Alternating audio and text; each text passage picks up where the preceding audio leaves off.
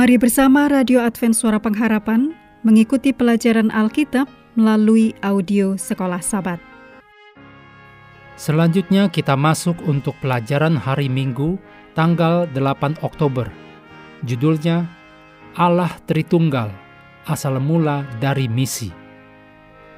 Mari kita mulai dengan doa singkat yang didasarkan pada 2 Petrus 1 ayat 10. Karena itu saudara-saudaraku, berusahalah sungguh-sungguh supaya panggilan dan pilihanmu makin teguh. Amin.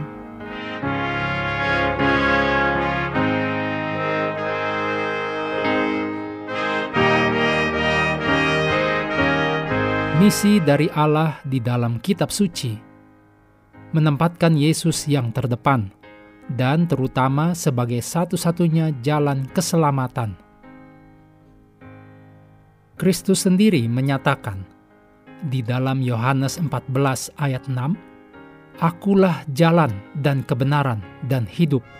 Tidak ada seorang pun yang datang kepada Bapa kalau tidak melalui aku.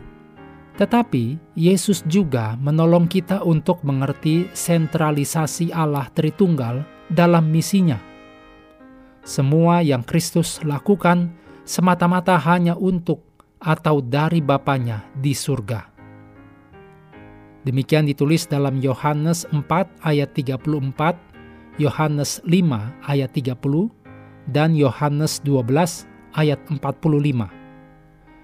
Tetapi kita harus selalu ingat bahwa misi Yesus tidaklah dimulai ketika dia datang ke dunia ini.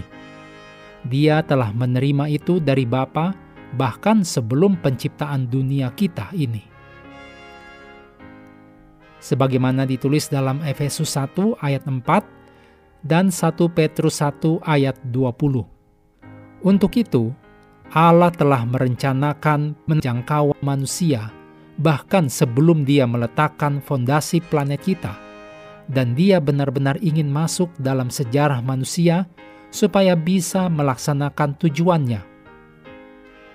Anak menciptakan dunia, Yakobus 1 ayat 3 dan setelah genap waktunya dalam Galatia 4 ayat 4. Allah menunjukkan kasihnya dengan mengirimkan anaknya ke dunia. Ditulis dalam Yohanes 3 ayat 16 dan 17. Anak pun datang, mati di kayu salib, dan mengalahkan dosa. Kemudian roh kudus pun datang ke dunia, dikirim oleh Bapa. Ditulis dalam Yohanes 14 ayat 26 dan Yohanes 16 ayat 7.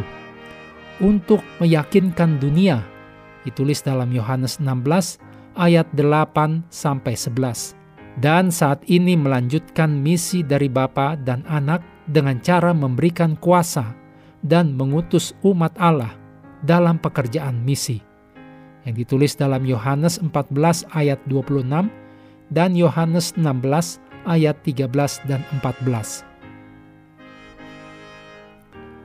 Dalam Yohanes 20 ayat 21 dan 22 dijelaskan pengertian bahwa misi itu berasal dari Bapa, Anak, dan Roh Kudus yang membentuk misi kita. Maka kata Yesus sekali lagi, "Damai sejahtera bagi kamu, sama seperti Bapa mengutus aku, demikian juga sekarang aku mengutus kamu." Dan sesudah berkata demikian, ia mengembusi mereka dan berkata, "Terimalah Roh Kudus." Walaupun kata Trinitas tidak ditemukan di dalam kitab suci, bukti bahwa misi berfokus pada tiga pribadi atau Tritunggal. Ini sangatlah banyak. Sebagai contoh, sesudah kebangkitan Kristus menampakkan diri kepada murid-muridnya dan menjanjikan kepada mereka di dalam Lukas 24 ayat 49, dan aku akan mengirim kepadamu apa yang dijanjikan Bapakku. Tetapi kamu harus tinggal di dalam kota ini sampai kamu diperlengkapi dengan kekuasaan dari tempat tinggi. Di sini kita menemukan fakta tentang misi kealahan itu dalam satu kalimat, yaitu janji Bapa, jaminan dari anak terhadap penggenapan janji itu, dan janji itu sendiri, yaitu datangnya roh kudus. Dalam Lukas 3 ayat 16, kisah 1 ayat 4, 5, dan 8.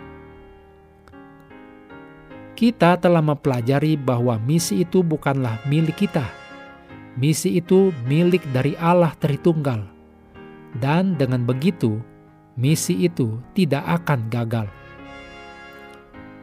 Bapa, Anak, dan Roh Kudus terlibat semuanya dalam pekerjaan penyelamatan jiwa-jiwa. Hal ini tentu sangatlah menghibur.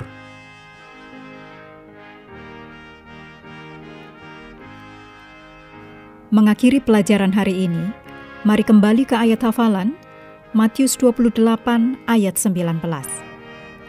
Karena itu, pergilah, jadikanlah semua bangsa muridku, dan baptislah mereka dalam nama Bapa dan Anak dan Roh Kudus. Kami terus mendorong Anda bersekutu dengan Tuhan setiap hari melalui renungan harian, pelajaran Alkitab Sekolah Sabat, bacaan Alkitab sedunia, percayalah kepada nabi-nabinya, yang untuk hari ini melanjutkan dari Amsal pasal 5. Tuhan memberkati kita semua.